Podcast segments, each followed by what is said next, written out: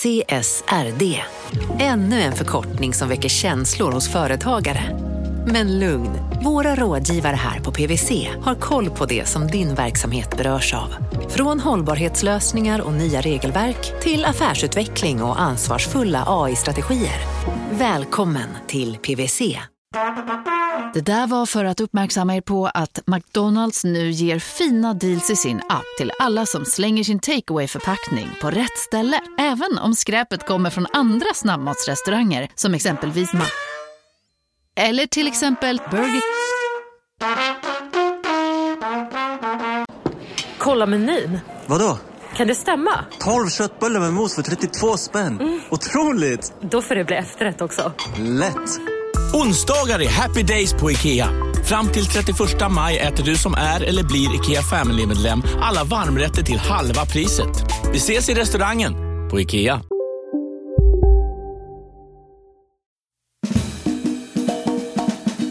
Från Monopol Media, det här är Kapitalet. Jag heter Gunnar Harjus. Jag heter Jakob Bursell.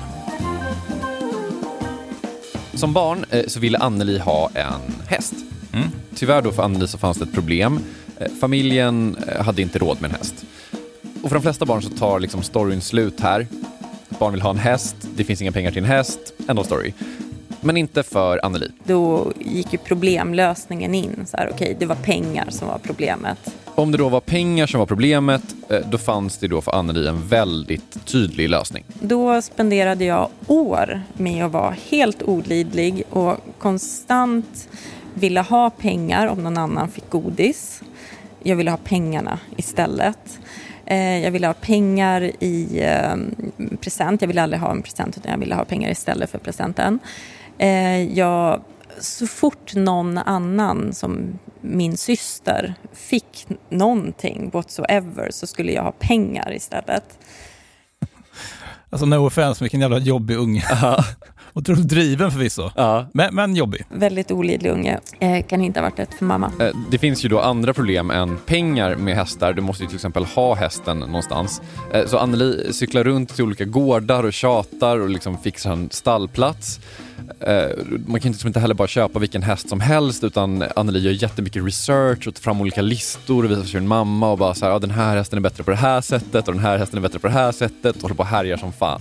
Men, men det ekonomiska problemet finns kvar? Ja, eh, men här ger sig då inte Anneli. Hon håller på bara jämt. Hon tjatar och sparar och lägger undan och sen tjatar hon mer och sparar mer och lägger undan mer. Och till slut så hade jag skramlat ihop 6 500 kronor som 12-åring, vilket jag tyckte var en hel förmögenhet. Det här var 1983 och 6 och 5 då motsvarar ungefär 16 500 idag. Fantastiskt gjort av, av en sån ung person. Jag tycker också det. Eh, och det här kände väl också liksom Annelies föräldrar någonstans också, att så här, det här är någonting hon verkligen jobbat för. Eh, så... Mamma la till lika mycket och min första ponny inhandlades. Vil, eh, vilken framgångssaga och, och vilken känsla att få hämta ut den där hästen. ja, det är helt underbart. Sen blir då Anneli en hästtjej. Eh, tidshopp, typ sju år framåt i tiden, eh, så flyttar Anneli till Stockholm för att jobba på Täby galopp eh, som amatörjockey. Det går sådär helt ärligt. Hon trivs inte så bra. Hon tycker det är jobbigt att komma till en ny plats där ingen vet vem hon är eller bryr sig om vem hon är. Och ja, men varje vecka så här, jag ville bara åka hem. Men det vore ju ett nederlag och Anneli, om du inte redan märkt det, är inte supertaggad på nederlag. Så... Jag sköter framför mig. Eh, om, om det är så här illa nästa vecka, nästa söndag, då får jag åka hem. Och så tänkte hon så nästa söndag och nästa söndag. Tills dess att det inte var så illa längre. En riktig pers låter det som med andra ord. Men ändå otroligt starkt gjort. Verkligen. Och det här skulle jag säga är då ett exempel på uthållighet. Och det är faktiskt uthållighet som kapitalet ska eh, handla om idag. Varför vissa människor kan jobba i motvind, varför andra människor inte riktigt kan det. Eh, och man kan lära sig att bli uthållig och om de här sakerna verkligen är så viktiga som alla hela tiden tjatar om. Och så blir det fortsättningen på Annelies historia. Den är inte slut? Nej, den har tvärtom knappt börjat faktiskt. Det här med hästarna, det var bara en förberedelse på den utmaning som skulle komma härnäst. När Anneli bestämde sig för att sluta med hästar och göra någonting helt annat istället. Och den här gången så har hon en mycket mäktigare motståndare än sin mammas skepsis och bristen på pengar, Den här gången blev det Anneli mot Stockholms stad. Efter det här.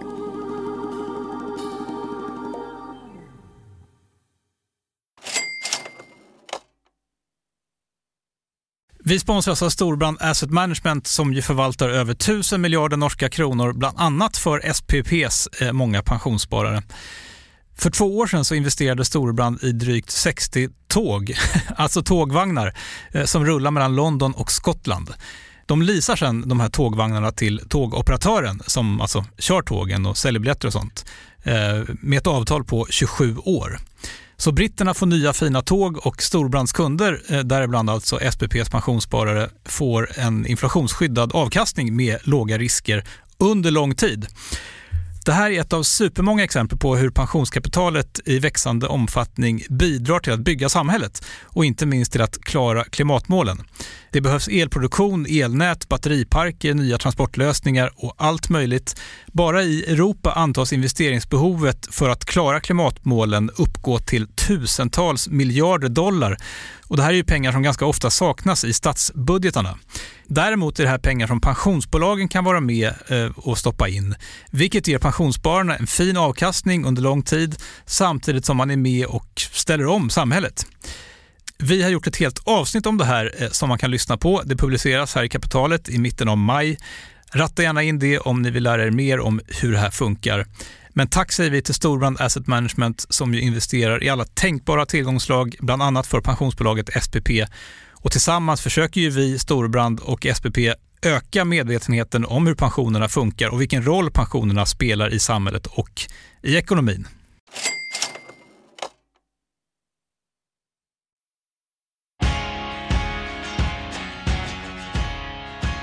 Så Anneli, eh, tjatig och eh, sparsam unge, sedermera uthållig amatörjockey, har en ny idé. Hon ska starta rockklubb.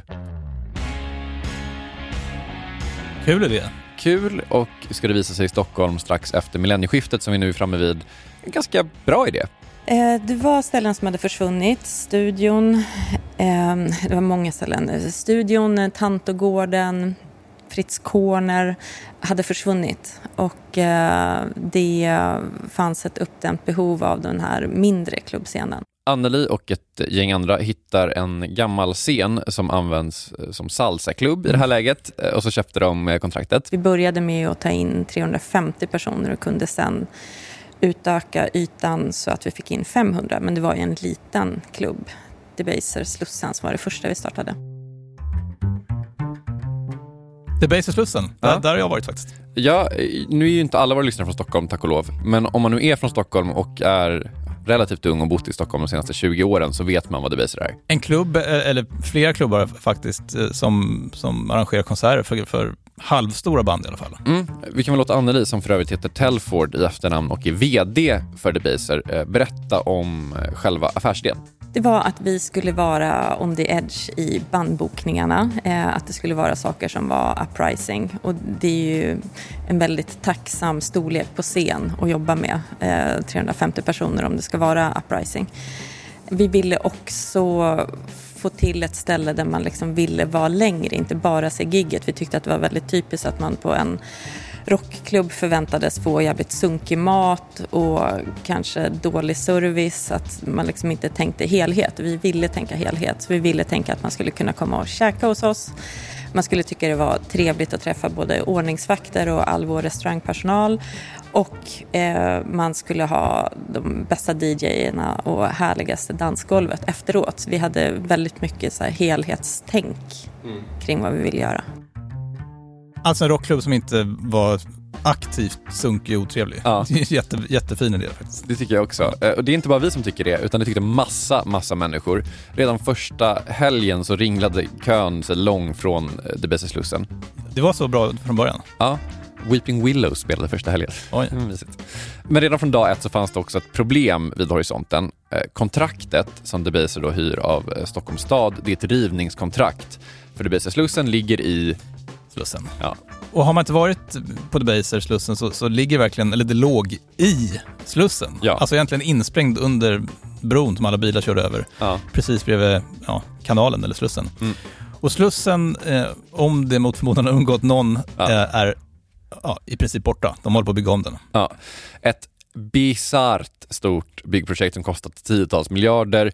32 000 kubikmeter betong har rivits och 200 000 kubikmeter bergsschakt. Fan, man gillar betong på den tiden när det begav sig. Du, de har lagt i mer betong än de har tagit bort. Okej, perfekt. Ja. Och det här gör man ju inte i en handvändning. Så, så det var liksom ingen överraskning för Debaser att Slussen någon gång skulle byggas om. Man, man har ju pratat om det här hur länge som helst. Exakt, Eh, så frågan var ju bara när. Så ett par år efter att Anneli öppnat Debaser i Slussen så börjar hon och hennes kollegor också se sig om efter något lite mer permanent för de fattar att en dag kommer Slussen försvinna och då kan inte vi vara kvar här. Och 2006, alltså fyra år efter öppningen i Slussen, eh, så kan man öppna sin andra lokal. Och det var Debaser Medis för oss. Men när vi hade startat Debaser Medis och hade Debaser Slussen igång så såg vi att det går ju utmärkt. Alltså båda de här scenerna behövs för de var så pass olika varandra. Så det var inte så att vi hade måste stänga Slussen för att vi redan drev en annan. Eh, utan de hade ju kunnat fortsätta samexistera längre om man hade velat. Och när Anneli säger om man hade velat så menar hon egentligen om Stockholms stad hade velat. 2013 så är det tänkt att Slussenbyggnationen ska börja och då får Anneli ett brev där staden skriver att Debaser är uppsagda. Och sen blir det som man säger ett jävla liv. Inte bara från eh, Debasers sida ska sägas. För så, som alltid med stora byggprojekt så blir det ju hur mycket protester som helst och, och massa människor runt om i, i stan tyckte att det var hemskt att, att Slussen skulle byggas om eller försvinna och Debaser och allt vad det var. Ja, precis. Och det blir jättemånga klagomål till staden och det är massa anmälningar till olika så här, mark och miljödomstolar och sådär. Och när allting eh, till slut hamnar där så får staden nej till att börja bygga Slussen. Och efter det så står Slussen orörd i tre år innan man faktiskt kan ta första spadtaget. Men då var Debaser redan uppsagda? Ja. Så Anneli menar då att Debaser Slussen hade kunnat finnas i tre år till och dra in massa pengar i tre år till om man bara hade låtit dem hålla på som de hade gjort då vid det här laget i liksom 11 år. Och jag ska säga, så, herregud, jag är inte projektledare för Slussenbyggnationen. Tack och lov. Men liksom så här, faktum är att lokalen där Debaser fanns, den stod liksom orörd i tre år. Också så här, över 20 000 personer skrev på protestlistor för att behålla just Debaser-slussen, eh, till ingen nytta då ska sägas. Det är väldigt typiskt där för stora projekt, Ja. låter det också som. Mm. Men supertrist för Anneli såklart, eh, om det nu är så att de hade kunnat vara kvar i tre år till. Men de hade ju ändå fått tid att förbereda sig på det här. Ja. Det, det, det var ett rivningskontrakt, det var de klara med från början och, och nu ska det rivas. Mm. Lite tidigare än de hade tänkt sig kanske, absolut. Men, men de hade ju en ny lokal på Medborgarplatsen, i Medborgarhuset. Ja. Eh, Och vet man inte vad det är så är det en jättebyggnad med en massa olika verksamheter på Medborgarplatsen. Ja. Simhall, hörsal, bibliotek, ja, medborgarhus. Verkligen. Eh, Så RIP Debaser-slussen, länge leve Debaser Medis, tänker, jag vet inte, Anneli antar jag, vi med. Eh, Faktum är att de vid det här laget också har köpt en till lokal som ligger nere i Hornstull, den heter Debaser Strand. Men Slussenrivningen, alltså, det är ändå en jävla smäll Anneli. Och vi hade liksom en bild av att vi skulle eh, kunna eh, men ta oss fram på ett annat sätt än vad vi lyckades med då. Det blev ju en tvärnit. Och det var den första tvärniten. Sen åkte vi ju på eh, några eh, mer förvånande händelser.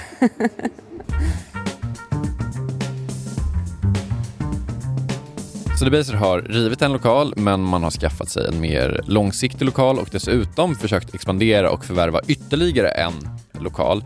Men när de håller på att flytta ur, ur Slussenlokalerna så händer en grej. Alltså de håller liksom fysiskt på att lyfta ur grejerna när Jag får ett samtal ifrån FSK som är vår hyresvärd och eh, de var även hyresvärd eh, på Debaser Slussen. Det är samma hyresvärd som precis har sparkat ut oss därifrån.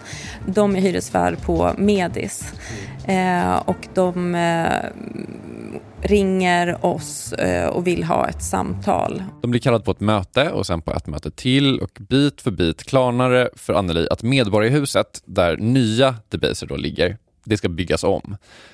Och sen kallas Anneli till ytterligare ett möte där massa folk är. Och det visar sig att det är mm, bibliotekets personal eh, och eh, det är väl även kulturpolitiker på lokal nivå eh, som tittar på våra lokaler och en av dem säger till mig så vart ska ni vara då? Svaret på den frågan var ingenstans. Biblioteket, som då alltså också ligger i Medborgarhuset, de ska ta över Debasers lokaler och Debaser ska inte vara kvar i Medborgarhuset. Alltså fy fan. Det var lätt att tänka sig att de har kämpat och kämpat och, och säkert legat sömnlös över det här på, på, på nätterna också. Ja. Och precis liksom lyckats hoppa till nästa tuva. Ja. Och sen bara sjunker den under fötterna också. Ja, det är så jävla hemskt att bara se någonting man byggt upp själv. Liksom så här. Och så bara så här, ja, de hade tänkt vara där jättelänge. Sen börjar då världens process igen. Okay, det här är lite förenklat, eh, men det ska först och främst sägas att det först fanns ett förslag där Debaser skulle ligga kvar i en annan del av huset, men det var liksom någon katastrofgrej. Vet, det var liksom tusen olika pelare i någon jättelågt takgrej, så liksom det var helt omöjligt att ha livemusik där. Allt det här mynnar ut i alla fall i att Debaser stämmer staden och sen så tar de tillbaka den stämningen eh, för att man förlikar istället. Och hur gick det då? Ja, det får ju då Anneli inte säga, men så, så här, mitt intryck är att Debaser fick någon slags kompensation. Mm. Eh, eh, Men, men oavsett, sjukt segt. Det här var jättelångdraget, höll på hur länge som helst. Men liksom den stora segergrejen är att alltså, det går typ inte att hitta en lokal liksom en ny lokal där man kan ha konserter i Stockholm. Det är liksom inte bara för Anneli att bara så här, jaha okej nu har vi stängt Medborgarhuset, då fixar jag den andra lokalen tvärs över gatan. Nej, och det här är en följetong i lokalpressen i Stockholm. Ja. Att, att eh, grannarna klagar helt enkelt på musiken. Precis, för personer som bor i innerstan har inte fattat att anledningen till att det är fett att bo i innerstan är att det då och då händer roliga saker i innerstan. Utan de vill helst av allt ha det helt tyst dygnets alla 24 timmar. En effekt av, av, av gentrifiering kanske? Det kan man säga. Så det finns liksom ingen bra väg framåt för Anneli Telford här. Och liksom, jag kan säga det här rakt ut. Jag hade gett upp i det här läget. Sagt fuck det här, vill inte ha någon livemusik i den här staden så ska ni få höra hur jävla tyst det kan bli. Och sen hade jag gjort något annat. Jag menar, blivit lantmätare eller någonting. Det verkar trevligt och ett bristyrke. Men, men Anneli blir inte lantmätare? Nej. Anneli fortsätter. Trots att två av hennes lokaler, som hon själv byggt upp, som för övrigt omsatte typ 60 miljoner och båda gjorde vinst, de har tagits ifrån henne, men hon fortsätter. Och det här fick mig att tänka. Varför hade jag gett upp, men inte Anneli? Och det visar sig då att det här med uthållighet, det är liksom inte bara någonting som man har eller inte har, eller som är någon så här luddig grej som bara finns i kosmos, utan det är liksom ett beforskat område. Och det finns ju faktiskt en person som kan förklara det här för mig. Ja, Agneta Gultz, eh, professor i kognitionsvetenskap med inriktning Learning Science. Och framförallt är jag forskningsledare för gruppen Educational Technology Group. Agneta Gultz är vid Lunds och Linköpings universitet ska sägas. Hon, hon är för smart för att bara rymmas i ett universitet. Och educational technology, då, då är det då barn vi, vi pratar om? Ja, eh, hon forskar då på hur barn lär sig grejer. Eh, Men mycket av det som hon eh, forskar på är ju också liksom relativt applicerbart i allmänhet. En sak hon tittar på är motivation. Varför folk gör saker? Ja. Jag har frågat mig själv många gånger. Och motivation, det är, alltså det är helt, det är en livsnödvändighet hos en levande organism, för det måste finnas någon drivkraft som påverkar vad man gör i ett givet ögonblick. Eh, och också alltså vad man gör och huruvida man fortsätter att göra det man gör. Så att motivation, det är de faktorerna som gör att man tar sig an en viss aktivitet och man fortsätter med den. Och så påverkar det också hur man gör det, till exempel hur fokuserat. Att man gör det, att man fortsätter göra det, hur man gör det. Mm. Ja, fattar. Bra. Eh, och Agneta säger då att det finns då massa olika aspekter eh, kring motivation såklart. Men först och främst så måste det finnas en känsloaspekt. Man gör ju någonting då, till exempel på grund av en känsla av nyfikenhet och intresse, ansvar för andra som kan vara beroende av att jag gör det här, att man kan vara taggad, lite utmanad. Känslan jag vill inte ge upp, det är en viktig aspekt av motivation. Man kan, man kan känna skaparglädje, man kan känna sig nöjd med det man håller på med. Kan känna att det här är helt okej. Jag tycker vi börjar med den här känslan att det är helt okej, att man är lite så här halvnöjd. För jag tycker det är så himla himla roligt att man har det, kan ha det som motivation. Det är, inte jätte, det, det, det är ingen vanlig titel på en managementbok. Nej. Helt okej. Nyckeln till ett långt och framgångsrikt och motiverat liv. Och rikt liv. Nej, precis. Vi kanske borde skriva den boken känner jag, för Agneta säger att det här är en svinbra drivkraft. För det finns liksom ett stadie som man tänker på som är så totalt flow och liksom lyriskhet och liksom nästan liksom gudomlig kraft. Agneta säger att det är liksom inte bra att sträva efter den känslan hela tiden för då kommer allting kännas meningslöst när man inte uppnår det hela tiden. Det här är bara, egentligen bara lite sidospår, skitsamma. Vi går tillbaka till, mm. till Anneli, eh, tycker jag.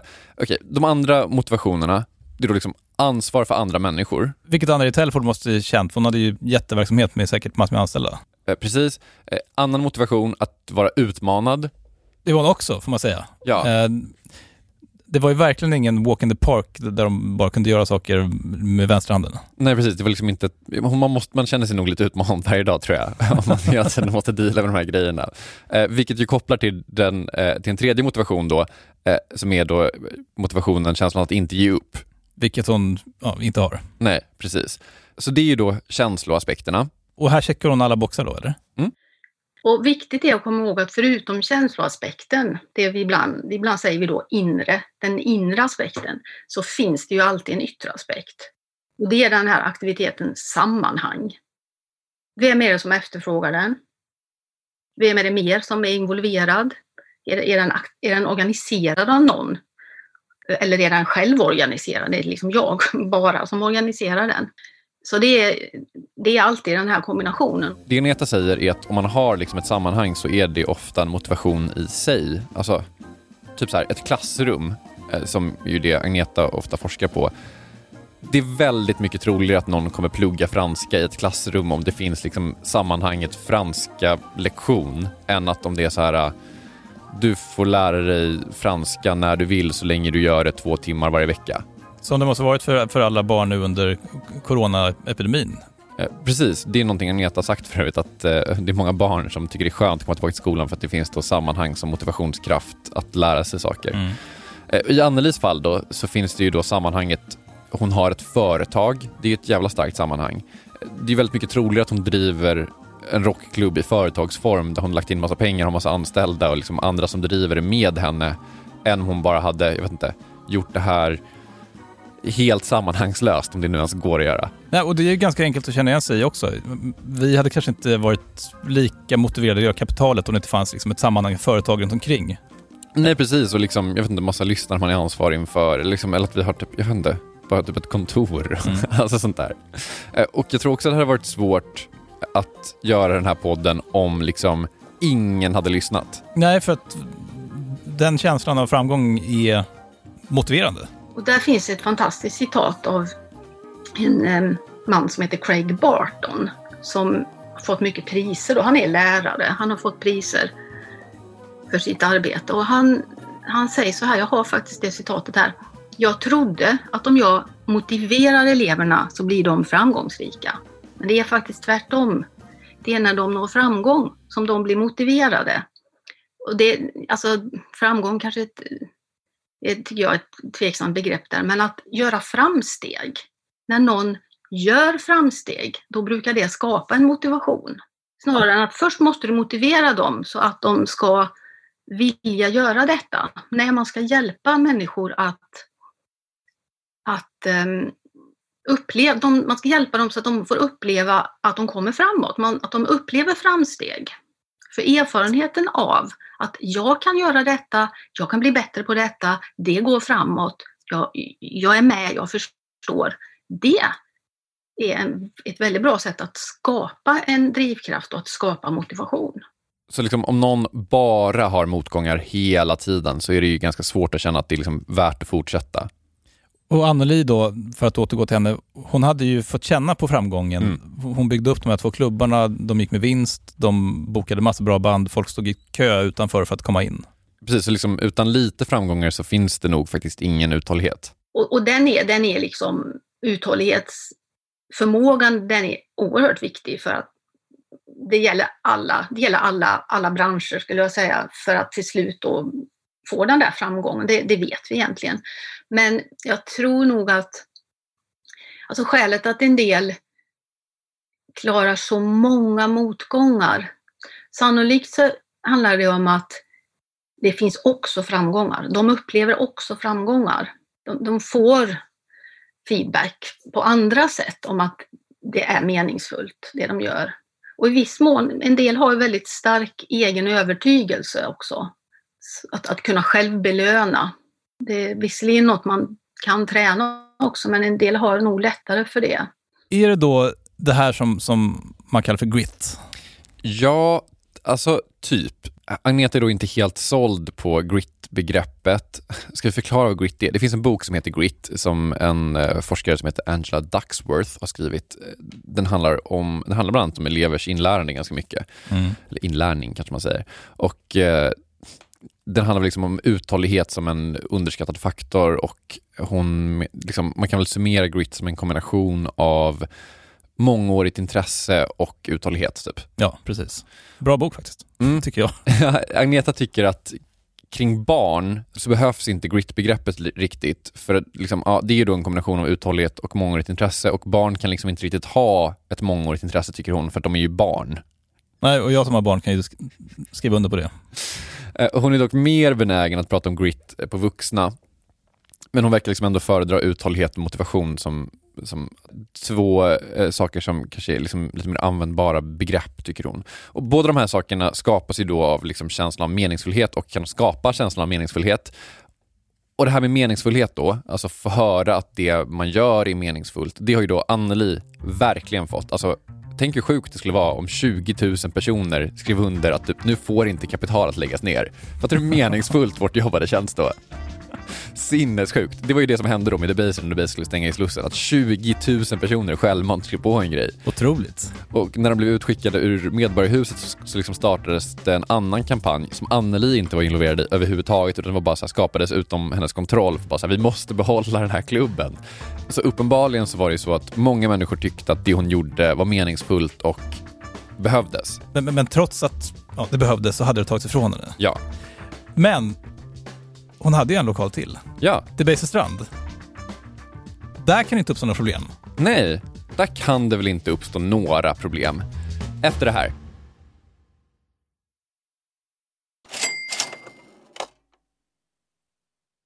Kapitalet sponsras av Master Exchange, plattformen där du som privatperson kan investera i låtar och får pengar varje gång de här låtarna spelas. Eh, vi berättade ju senast eh, om barnlåten Puff the Magic Dragon som noterades av Master Exchange under våren.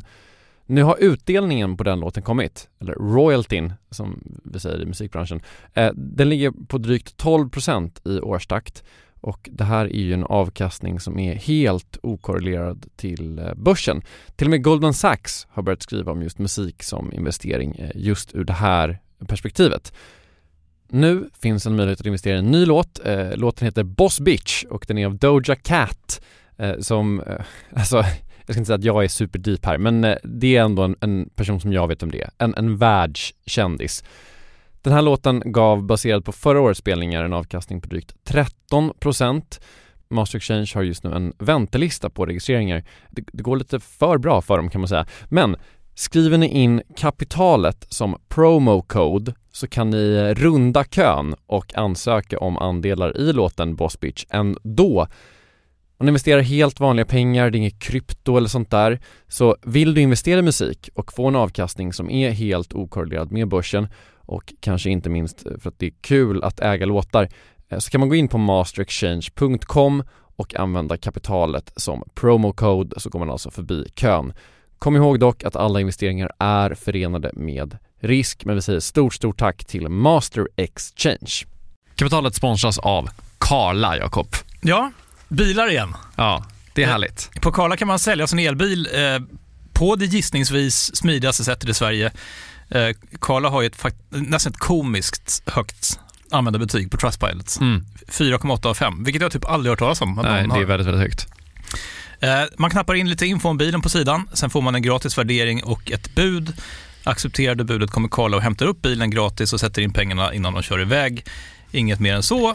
Rätt fantastiskt. Nej, det är faktiskt Ja. helt otroligt. Och eh, det kan bli ännu mer eh, otroligt än så. eh, För att vi har nämligen en rabattkod som ger dig 2000 kronor extra för bilen. Så om du säljer din bil så får du två lax extra. Stämmer. Bara sådär. Eh, koden är Monopol. Och eh, den uppger du när du har värderat bilen och eh, pratat med Karlas inköpare. Koden är giltig till sista maj, så att eh, passa på om du går i säljartankar. Jag undrar om vi haft en kod som har gett två lax bara sådär någon gång. Nej. Det är helt otroligt. Man behöver en bil förvisso. Absolut, så det är inte, kanske inte bara sådär, men det är ändå 2000 kronor extra. Väldigt bra. Ja. Så sälj din elbil eller laddhybrid till Karla. Du får 2000 kronor extra med rabattkoden Monopol.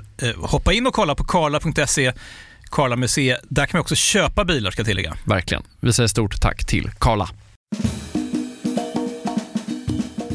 Så vi har Anneli Telford. Ja, grundare och VD för Debaser som var en rockklubb som blev tre rockklubbar som blev en rockklubb. Som ligger i Hornstull och heter Debaser Strand. Och Anneli känner att alla fighter de har haft hittills, de har liksom varit jättejobbiga, det sugit, men det har ändå varit ja, men bra. Vi har ett existen- existensberättigande i den här världen och det kan ingen politiker eh, ta ifrån oss nu. Så jag tror att eh, det är bra att eh, vi, just vi, stod kvar att, eh, och eh, stod upp för. Det blev ju en tredje fight om den här lokalen också. Debaser strand på Ornstull strand på Södermalm hotas av nedläggning. Lokalen har sagts upp eftersom gatan ovanför ska undersökas inför en sannolik renovering. För ett och ett halvt år sedan så kommer Debasers hyresvärd, som är Stockholms stad, på att det är läge att undersöka en sak. Precis som den gamla lokalen i Slussen så ligger den här nya lokalen liksom under en bro kan man säga, liksom under en gata. Man kallar det för en bro, jag skulle säga att mer av att det är en gata faktiskt. Den måste man eh, undersöka för att veta eh, när eller om man måste renovera den. Och det man gör då för att veta om man måste renovera den här gatan, det är att man säger upp Debaser. Där så kände jag verkligen så här, men alltså är de sanna? Ger de sig på oss igen? Har de inte lärt sig någonting, tänkte jag då. Alltså det är så jävla segt. Och jag tänker också, stan bara trampar in som en elefant. Ja. De måste känna sig så jävla förföljda i det här läget. Man ville eh, eh, göra det enkelt för sig, Stockholms stad, eh, och eh, se löpande, ja men, ja, men den är okej. Eh, vi kan ha kvar den så här i fem år till, sen kollar vi igen. Ja, den är fortfarande okej. Så hade de tänkt att göra. Det stan vill göra är alltså att kolla på den här vägbanan underifrån för att se att allt är okej, att betongen är okej. Typ. Och det enklaste sättet att göra det här, det är ju då att man gör det här från Debasers nya lokaler. Så det enklaste då för staden, det är då att kicka ut Debaser så man får liksom fri tillgång att en gång så här, varannat år eller var femte år eller någonting så här, kolla lite på betongen underifrån. Och det blir som man säger, ett jävla liv. Nya artiklar, nya protestlistor, man får olika politiker med sig. Här är Jonas Nallebo som är centerpartist i P4 Stockholm. Jag är uppriktigt väldigt orolig när vi ser den här negativa utvecklingen. Så vad händer då? Ja, det som händer då, det är att det börjar ringas runt lite. Trafikkontoret äger själva vägbanan. FSK igen äger lokalen som är under vägbanan. Trafikkontoret ville se över hur betongen mådde i brofästet, vägbanan. Då tänker ju de bara, ja men vi gör det som är enklast för oss. Det som kostar minst i vår budget, det gör vi. Och då behöver man ju en annan förvaltning som i det här fallet FSK som säger nej, vi har en hyresgäst som är oss väldigt kär. hade man ju kunnat hoppats på. Eh, det är eh, viktigt för oss att eh, staden fortsätter ha den här kulturella verksamheten kvar. Vi måste se över en annan möjlighet. Men det sa inte FSK, utan FSK sa bara ja, ja men då säger vi upp hyresgästen och så eh, är det så bra med det. Efter att eh, opinionen återigen var väldigt livaktig eh, och eh, politiker inte ville ha den här skiten i sitt knä igen. Eh, så har ju trafikkontoret de har bara sagt så här, ja ja, men vi visste inte att det här var viktigt. Eh, det var ingen som sa det till oss. Då mm, då får vi lösa det på annat sätt. Och lösningen på ett annat sätt i det här fallet då, det är att man faktiskt går in underifrån som man tänkt för att kolla, men man gör det på ett lite mer smidigt sätt antar jag. För att man kan nu göra det med Debaser öppet. Alltså, det var på riktigt en person som var där och kollade betongen medan jag gjorde den här intervjun. Det liksom lät inte ens någonting. Jag har inte ljud på det här för det lät ingenting. Man behöver inte spränga hela lokalen. För att Nej, exakt. Och man kommer kolla det här typ varannat år. Så lärdomen här är typ, vadå, håll ut och, och, och se till att olika förvaltningar faktiskt pratar med varandra, att man kommunicerar lite. Ja. Och, och, då kanske det löser sig. Ja, det är väl en lärdom man kan dra. En annan lärdom kan väl också vara typ se till att få lite opinion så att folk eh, liksom orkar ta tag i olika grejer. Men nu i alla fall så får Debaser ligga kvar under vägen, åtminstone fram tills dess att den faktiskt behöver renoveras. Eh, Gud vet när det händer dock. Så, så Anneli kanske då äntligen känner att hon kan blicka framåt lite. Ja, nu kanske hon kan det då. Eh, Det verkar också som Anna-Li för en gångs skull haft lite tur med tajmingen i det hon ska göra eller kanske inte göra härnäst. Eller tur i oturen kanske man ska säga. Eh, sen så har vi kikat på att eh, göra en till större scen i staden. Och det var ju ganska skönt att vi inte redan var igång med den nu när corona kom. Nu vart det liksom lagt på is, men det är ingen omöjlighet framåt, det är det inte. Nej. Är det Stockholms stad som ska vara hyresvärd? Nej. Det är kanske en annan lärdom. Ha inte stan som, som hyresvärd. Ja, det tänker inte jag lägga mig i. Som vi har. Ja, det har vi verkligen. Shit, ja. Vi pratade om motivation och om uthållighet och, och, och vi var inne på att det här är delvis då ett personlighetsdrag. Det här med att klara motgångar. Mm. Men går det ändå att lära sig? Kan man bli som, som Anneli om, om man vill och försöker? Ja, kan man bli motiverad och uthållig? Det kan man ju inte rakt av. Det kan man inte, men man kan ju skapa förutsättningar som då till exempel de ökar sannolikheten för att någon ska bli mer motiverad att ta sig an en viss sak, ägna sig åt någonting. Det är ju precis vad lärare... Lärare kan absolut skapa förutsättningar för att fler elever ska då bli mer motiverade för skolarbete. Så är det och det gäller säkert i, det gäller i andra sammanhang också. Man kan skapa förutsättningar. Men det är viktigt då att inte ha för eh, så att säga, irrealistiska mål och tänka att det jag ska göra är att jag ska skapa förutsättningar för att alla ska gå omkring och vara euforiska och ha flow. För, för det, nej, det, det kan man inte. Det kanske man inte ens ska. Många chefer kan nog finna förtröstan i det här. Att, att jobbet inte måste gå ut på att göra att alla anställda känner sig så här peppade och euforiska varje mor- måndag morgon när de ska till, till jobbet. Nej, utan mer att liksom, ditt jobb kanske är att jag ska känna att det är helt okej. Ja, det, det känns lättare. Ja. Härligt. Ehm, nu går vi ner för trappan och och börjar på den här nya managementboken som, som vi ska döpa till Helt okej. Ja, eh, för den sakens skull så måste ju då kapitalet vara slut. Vi heter Jakob Bursell och Gunnar Harjus, Johanna Korbutjak och Åsa Secker jobbar också här. Det är också Kristoffer Krook. Han har mixat det här avsnittet samt gjort musiken ni hör precis just nu. Agneta Gultz är forskare vid Linköping och Lunds universitet. Anneli Telford driver fortfarande Debaser även om det är lite så coronastängt. Det finns dock en restaurang som heter Calexico som också ligger vid Hornstullstrand som är en del av, av Debaser kan man säga. Den är öppen. Vi har använt arkivklipp från P4 Stockholm i det här avsnittet. Kapitalet är tillbaka igen om en vecka. Hej då! Hej!